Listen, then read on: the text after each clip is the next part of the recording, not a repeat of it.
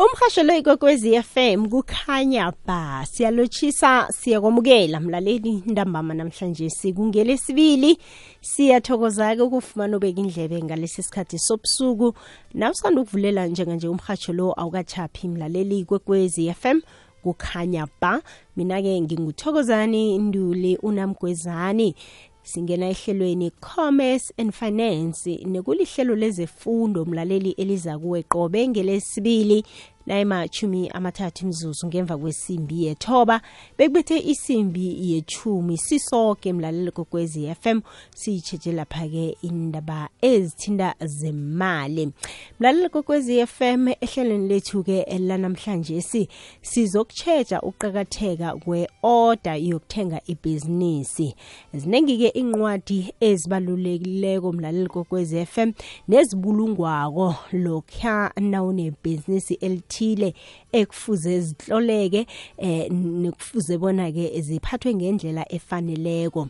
Ezitshengisako bona ke ibhizinisi yakho iyakhula namkhana iyachigamana kanti ke namhlanje sisizokutsheja ke ukuqakatheka eh nokwenziwa kwe-order yokuthenga ibhizinisi. Uzwa konke lokhu kumlalelo kokwezi FM simeme ubaba uqoli masilela. Yena-ke uyi-entrepreneur abuye-ke abe mphathi weqoli growth. Nguye-ke mlalelo kokwezi FM ozasipha ihlathululo ngesihloko sethu sanamhlanje si. Kuthi kusenjalo-ke ngokuhamba kwesikhathi nawe mlaleli sikuphe ithuba udose umtato nangabe unombuzo nanyana umfakela phezu kwaso isihloko esisiphethe kwesi. Kulula-ke mlaleli kokwezi FM zimbili izindlela othintana nathi ngazo. Ungasithinda-ke nge-whatsapp ugadangise iphimbo lakho inomboro ye-whatsapp ithi 079 413 2172 ungasithinda-ke godi ngokusebenzisa umtato inomboro-ke ithi 011 71 4373 011 714 3410 011 nalapha ku-011 zinomoro zomtato ozakhetha kizo lapho usidosela khona mlalele kwekwezi FM hlala nathi lingakuphunda ihlelo lethu lihleleke kuhle khulu. Umvezi walo ngutate sikhosana umswawa ngale eh ngebhundu ini wakonolenga. Siyakuthokoza babumasilela eh, siyakulochisa bekodi siyakwamukela emhasheni kwekwezi FM bamasilela yeche angithokoze mthathi nivukile awasivukile sengithi usilahlekele sivukile baba. Nivuke njanini nangapho no ngisesekhona suke kamnandi kukhulu suke kamnandi kukhulu ngithokoze ngithokoze nabalaleli emakhaya. Iye awa nathi sithokoza kakhulu ukuthatha isikhathi sakho uzoba nathi ehlelweni lezefundo lanamhlanje si-commerce and finance. Bamasilela asithome ngokuhlathululela umlaleli bona nasikhuluma-ke eh kuhle kuhle ngayo la-ke i-order i-order ke yokuthenga ebhizinisi sisuke sikhuluma ngani? Okay okay. No eh lo mkhathi mbuzo obaluleke kakhulu ongibuza wona ngoba esikhathini esiningi i mean eh umbuzo lo ngihlangana nawo kakhulu ngoba igamela likajwayeleki nawuthi purchase order finance. Uyazibuza ukuthi nenzani nibolekisana ngemali eh or niyaphana then um purchase order finance mkhathi kulokha um ithi ngithume ngithi um nobereka norhulumende eh esikhathini esiningi sibiza nge-tendering nawutenderako um uyatendara after tendering. Kuba okay or the successful party nase bakapoyibile um and then ngikenze example ngalokhu mkhathi nawu let's say utenderela for or esikolweni bafuna amadeske mm. utenda noceda la baku-appointe after ukuku-appointa ukuthi awubi nemali yo- yokuthenga imaterial kuze wenze ama-desk lawo and then Mm. singena ku-buying singena singena na ku- ku-buying your materials ngoba eh esikhathini esiningi amabhizinisi asakhulako uthola ukuthi awubi nemali yokuthenga imaterial mara umbereko sowunawo Mm. Mm. Then thina singena lapho ukuhelebha eh i the successful party to buy i-material manje nina ningena nina order financing okay ngiba uhlathulule lapho ukuthi nina seningena nibizwa bona niyini ngiyo i-purchase order leyo oh thina sibizwa ngama nge-purchase order financer wow okay yes. Alright manje-ke ngiyiphi inzuzo ye-order yokuthenga ibhizinisi begodi kufuze bona-ke eh ihlogonyelwe bunjani ibhizinisi leyo? Eh thina mkhathi zokhumbula ukuthi siba sisijamele mm. isijamele so navane siza nga sizohelebha enye ibhizinisi vane ibhizinisi leyo ithola ukuthi inombereko Mm. inombereko othile and then eh thina siza ngokusiza umuntu othola umbereko lo ukuthi akhone ukudelivera umbereko aphiwe wona Mm. Mm. Mm.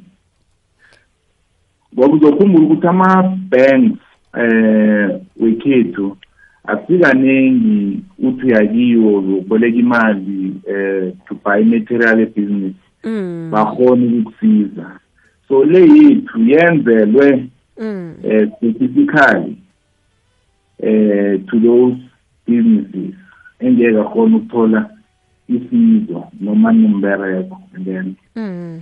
thina la khona manje ngifuna ukwazi ukuthi nina nizuza njani? Yiphi inzuzo eh, eniyitholako lapho?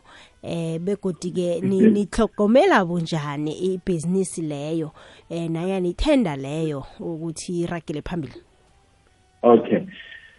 Um when yenzuzo ke ngithome lapho esikutholako thina kuba ne- ne-percentage evane si siyicharge nasiceda ukuhelebha imali sikupha yona. Mm. then thina sesiphilisa i-percentageana le evane sesikuthathe yonayo wow.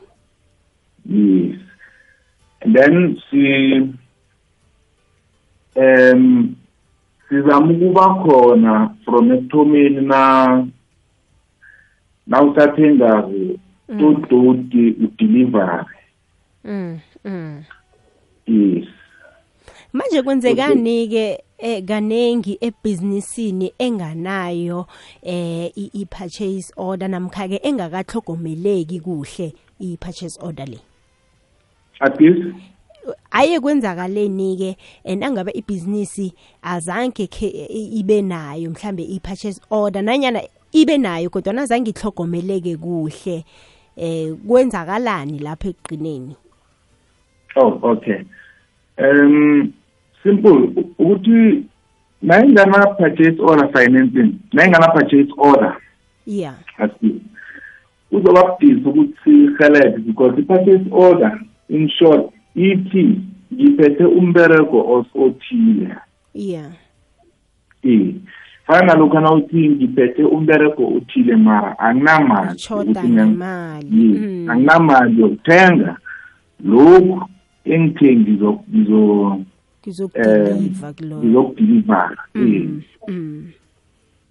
yes so and then ba ba imvela kancane uthola ukuthi i-purchase order leba khona and then umuntu akadelivari ngoba woke umuntu um obvious nawusewuphethe i- i-purchase order uzama ngawo woke amandla ukuthi udelivare ukuze ukhone ukufaka ne-invoice ekugcineni uthole imali Mhm. Usakhuluma nge-invoice njalo mhlambe ke ihluka njani eh kuma invoice esiwajayeleko? haji ngithi mhlambe invoice le okhuluma ngayo ihluka njani ke yona kuma invoice esiwajayeleko? Oh no ayikahluki mthatha invoice sekuyi-invoice ya iyafana.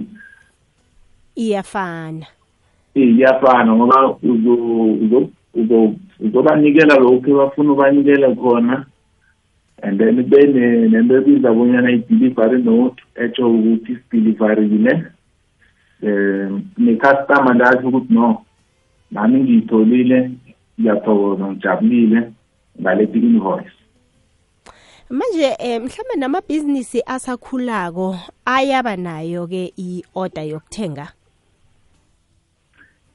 Iye bayaba nawo kukhulu vele um iservice le esiyenzako helebha ama-business asakhulayo asathuthukako iye ngoba kwesinye isikhathi a- ahloge eh ama-funds njalo njalo yes yes.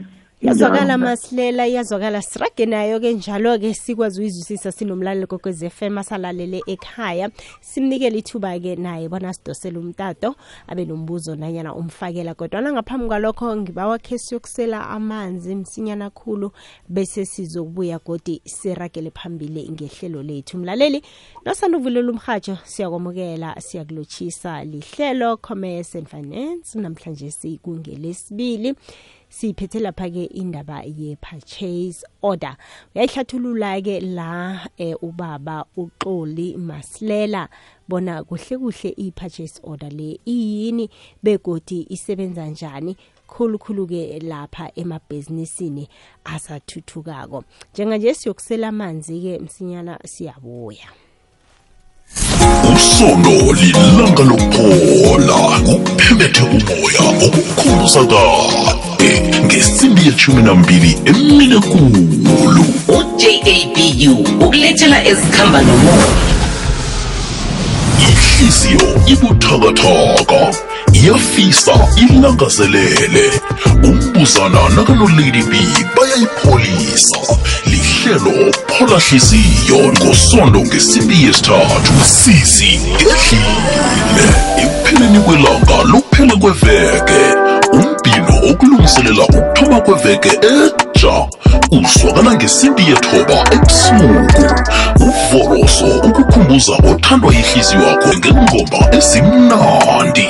Ikwekwesiafel kukhanya ba elithumi nekhombako imizuzu eseleko ngaphambona kubethe isimbi yechumi la sizobe sesilivala khona ihlelo lethu. Umlaleli kokwezi FM nosanda uvulela umhatsho awukachaphi ihlelo commerce and finance. Awaphundwa kangako-ke nokho mlaleli kokwezi FM sisaraga nalo-ke.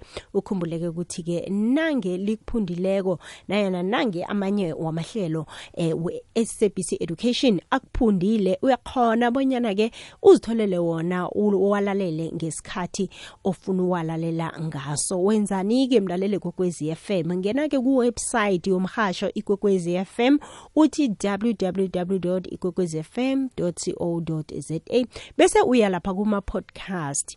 Zowathola-ke amahlelo ngokuhlukahlukana kwawo eh, atloliwe nokuthi-ke leli hlelo eh, ngelithini bese uyazikhethela-ke wena-ke i-commerce and finance ulalele ihlelo lanamhlanje. Sinamanye nje amahlelo adlulileko mlaleli kwekwezi FM uyakhona bona ukuthi-ke uzilalelele wona wadownloade bese-ke ungawalalela usendleleni uyandawana ulalele usekhaya uzigedlile nje uzwele-ke ilwazi eliqakathekileko nolihlogako ngaphakathi kwamahlelo wezefundo. La namhlanje sike mlalelo kokwezi FM esikhuluma lapha-ke nge-purchase order ngikhambisana noxoli masilela yena-ke i-entrepreneur nguye-ke osipha ihlathululo ngendaba esiphetheko namhlanje si mlaleli kokwezi FM nangabe unombuzo nanyana ufuna uphawula sidosela umtato ku-0861120459 nanyana ugadangise iphimbo lakho lapha kuwhatsapp ku-079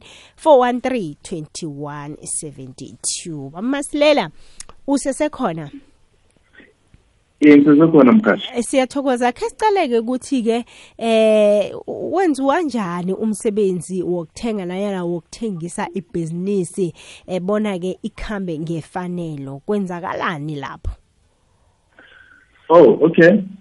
Um ine inengaba eziningi eh ngoba mm. kune kunem kunemgomo kumele siyilandele. Mm before before igcineni si singagcina sihelebhe nge-order kuze ku gcine sophethe i-material in your hand. Um zingana zona mara hayi kangakho zibalulekile esayidini lethu ukuze sibe ne- nesiqiniseko sokuthi i-purchase order le osipha yona. Ngiyo iyaphila and eh, singakhona ukuhereba ngayo. Ngoba esikhathini sanje mphathi zokukhumbula ukuthi nobugebengu sebubuningi uzothola ukuthi i-purchase order le ifojiwe um yakade. So kubalulekile ukuthi wenze um ngesikhuwa ibizwa nge-due diligence. Before umuntu ungamhelebha mhathi Mm, mm. Eh, iyazwakala.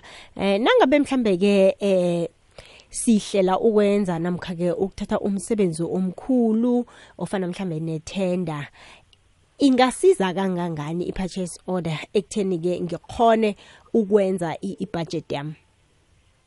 Nomkhathi baluleke khulu um baluleke khulu. Uzokhumbula ukuthi um yonke iproject oyithomako Iye. balulekile ukuthi wenze i-costing ubale zonke imali zakho ukuthi uzokuberegisa imali engangani kusala imali engangani um so ibaluleke khulu mkhathi ibalulekile Mm, mm.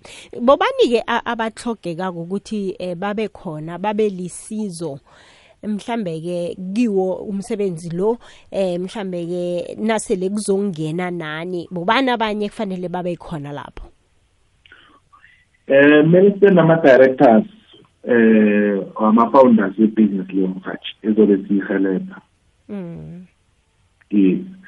Ngoba kungibo esikhathini esiningi bathatha i-decision any decision about the company. So um you always want to make sure ukuthi ukhuluma nabantu aba-right. Ekhampanini leyo ebazokuthatha ebavumelekiweko ukuthatha ama-decision eh kuze ni-avoid ukwenza into ezingathi ezingayinlandela mkhathi mm mm.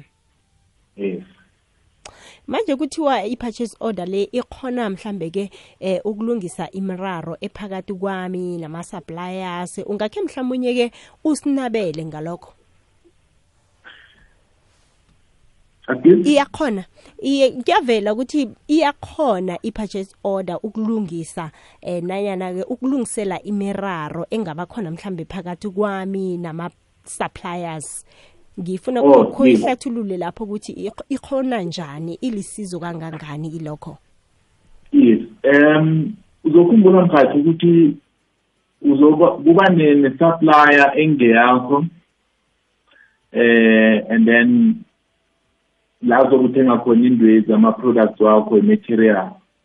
Then thina siza neblapho la usacelene ne-supplier uthi yo mari imali engakangiyoyithathaphi and then uzosela thina intaso-ke siyicula i-growth investment. Uthi ngine- nginomberego naku eh wemali engaka. And indleko zami ze zombereko lo zingifuna imali engaka bengiba ningihelebhe umoya omuhle wekereke mkhathi. Kula singena khona. Ngomoya omuhle wekereke. Wekereke mkhathi. Then Iye. la sifuna khona nje sithi okay sesibone sijame njani? Mm. Siyayithola ukuthi okay ngiyo siyayi-check-a la iphuma khona bavume nabaphathi or i-customer akho yitsho ukuthi no ikhampani esosiyiphile umbereko besifake uhelebhe yazwakala. 0794132172 kade ngisayiphimbula lakho mlaleli kokwez FM ku-WhatsApp ube nombuzo nanyana umfakela ngesihloko esisiphetheko. Masilela godu ngiba siyokuthengisa ke sizobuya siragele phambili. Thank you ahake ikulumo ithi isitshaba esingatlhogomeli ilutjha asinalo ingomuso. Ngikho kukwekwezi fm sikulethela amahlelo wakho muntu osakhulako. Ngomgqibelo state your mind. Zikhulumele nosimpila p usimpiwe ndaba ngesimbi yethoba ngesimbi yeshumi nambili hlangana noluket usimanga mahlangu ku-teen zone sibatsha begodu sibahle. Ngena emoyeni nicuce ngezinto ezinithindako njengabantu abatsha nabasakhulako. Umkhanyo ukhona. Kukhanya ba. Lithoba kwaphela imizuzu esele kumlaleli kokwezi FM bona silisonge ihlelo lethu lanamhlanje si-commerce and finance ngesimbi yechumi ma umindlo lavu makhuthalele ezimfaneleko uragela phambili nehlelo sizigedlile bekwethe isimbi yechumi nambili.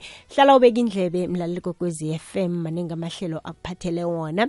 Njenganje usahlezi nami uthokozani nduli unamgwezane.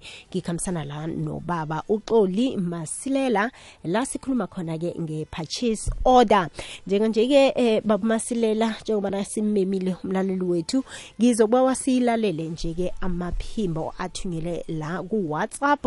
Sizwe bona-ke imibuzo ithini nanyana imibono ithini. Ngiyayibona-ke nayo-ke i-whatsapp le ikhamba iba buthakanyana ukuvula kodwana-ke sizokulinga ngamandla bona siyayivula. Manje-ke nina-ke eh bamasilela eh njengayo la iqoli growth. Nina ke eh, ukuthi sazi ngani nokuthi ke eh ni kampani elisizo nesemthethweni sinibona ngani nina ke? Um kokuthoma mkhatsha ngithi ukuthi asi asi regulate mkhatsha ukuthi ukuthi service le i-service eh, evele amalanga la. Mm. asikade khulu ivelile and ibalulekile mkhathi ngitsho. Mara ingakutsho ukuthi ama-banks aseze ngoba ithubeli bayalibona nabo. Hayi ukuthi abaliboni mara uzokhumbula ukuthi ama-bank la esinawo mkhathi i mean uzo- isuka from ku-b e. Kwathi nakuceda ukwenza i-b e eh kuthiwa nono i-b e izohelebha amabhizinisi asakhulako wabantu bekhethu eh and then amakhuwa njengoba kuma-owner ama-banks bayivala bathi okay bona esayidini labo ngeke bakhona ukusiza amabhizinisi. Ngoba mhaji kusesenzima nanje ukuhamba njengebhizinisi uthi yokufuna i-ten thousand. Hayi imali eningi ten thousand. Bazokutshela lokhu lokhu lokhu lokhu. Noma umbereko uthi nginawo nakho so i-service le abanayo so eh le bengiyi-market i-market le isiphile nathi no no inkinga nasi sihelebhana so ukuregulator asiregulator mhathi into emele usuyenze kubalulekile ucheck ukuthi ibhizinisi leyo i-registered ama- ama-ofisi aba-exista. Eh anyway mhathi esayidini lakho njenge-client Mm. angeke khuluze ngoba esikhathini kuzoba ngithi ezobe sikhipha imali yethu? Mm. sihelebhe ibhizinisi sakho. Iyazwakala. Ke sizwe ke umlaleli bona uthini umbuzo wakhe. Okay. TK lotsha nesithekeli sakho. Ngiyathemba ukuthi ngimzwisisa kahle or angimzwisisi. Ubaba lo akakhulume kahle ukuthi bona like bayabolekisana ngemali ngoba umbereko lo vane ungihlula at the end of the day mangenza inzuzo. Mina njengoba nginikele umbereko lo imali lesoyihlukene soyihlukanisela phakathi or nangabe uyangihlula obviously bazowuthatha bona umbereko loyo ngoba bona baberegisa yabo imali. Akatsho kuhle ukuthi bona babolekisana ngemali balendara ngemali. Angazi or ngizwa wrong na? Akakhulume like simzwisise or maybe like abomashonisa DJ eh, TK ngingasho njalo. Ngoba nami khona abantu labo engizobabhadela phezu kombereko lo zabe suwenza nabo bezane baba babereki at the end of the day nasizohola imali lesuyayibanga ukuthi siyihlukanisele phakathi TK angazi ngimuzwa kahle na? Ngiba ungibuzele yena TK ukuthi lapho siyokuphuma kanjani nangabe siyaluza siyoluza sonke if umsebenzi loyo asiwudeliver na? Thank you tk kudlasi bushomane etwefontein c2 estradeni sangamkhulu class siyayithokoza i-voice note yakho. Siyakuzwa nawe ngendlela uyihladlula ngayo ukuthi angazi umzwe kuhle nanyana njani uba umasilela bamasilela uklasi uveza nje amanye ama amaphuzu ngingazi ukuthi aliqiniso nanyana njani kodwana naye usayihloga hle ihlathululo eh, ngayo i-purchase order le. Kuyihlathulule-ke uyibuyekeze godi ukuthi-ke nina ningena njani um ku-purchase order? Kuyihlathulule godi um babamasilela okay mthathi ngiyathokoza thokoza kakhulu for eh, umbuzo lo. Um le mkhathi ingenye indlela. Ifuna abantu be- bayi sizama ukuyi-understanda um- okungeneleleko ngoba ayifani nomatshonisa. Mm mm. Lokuthi lethe ipasa or letha something you know? Eh leyi is specifically for purchase order financing. Mm. La si- simane si sikufinance sikuthengela i-material for i- into emele uyidilivare mhathi mm Eh, yazi mhathi ngicale nesikhathi angazi ukuthi mhlambe beng at the end mhlambe eba- ebanembuzo eminye sisakhona ya ukubahlathulula. sizobachiyela inomboro sizobachiyela inomboro la nitholakala khona njenge-gold growth iye. Sizobachila inomboro ngombana-ke abonakala vele ukuthi s- umlaleli uyayihloga hle ihlathululo engeneleleko ngayo-ke i-purchase order. Kodwana kokugqina sibakho usitshele nje um ngemiraro enivamise ukuhlangabezana nayo um lapha-ke ku-purchase order um ngimaphi ama-challenges avamise ukuba khona? Okay. Umraro mhathi um i into esenzako le mhathi iservice esenzako le i- itholakala khulu itholakala khulu the whole country. Um so esikhathini esiningi uthola ukuthi ninama-order amaningi zokhumbula mhathi ukuthi u-municipalities all the government sectors into le bayi eh ama-purchase order ayaphuma abantu abanamali. Mm. so ngokuthola ukuthi nama-client empumalanga k_z_n and bote balilela kuwa Mm. so esikhathini esiningi kuba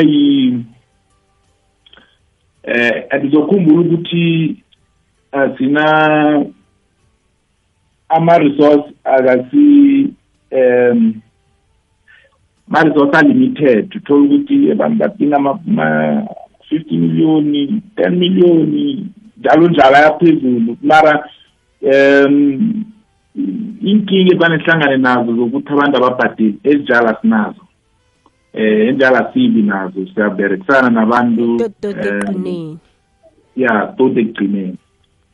Hayi baba masilela konamhlanje si asiyibambe lapha-ke ngiyacabanga ukuthi siza kuraga nayo godu ngelinye ilanga. Ngibawa nje nje sitshile umlaleli kokwez f m inomboro zomtato osesenombuzo ngendaba esiphethe kule.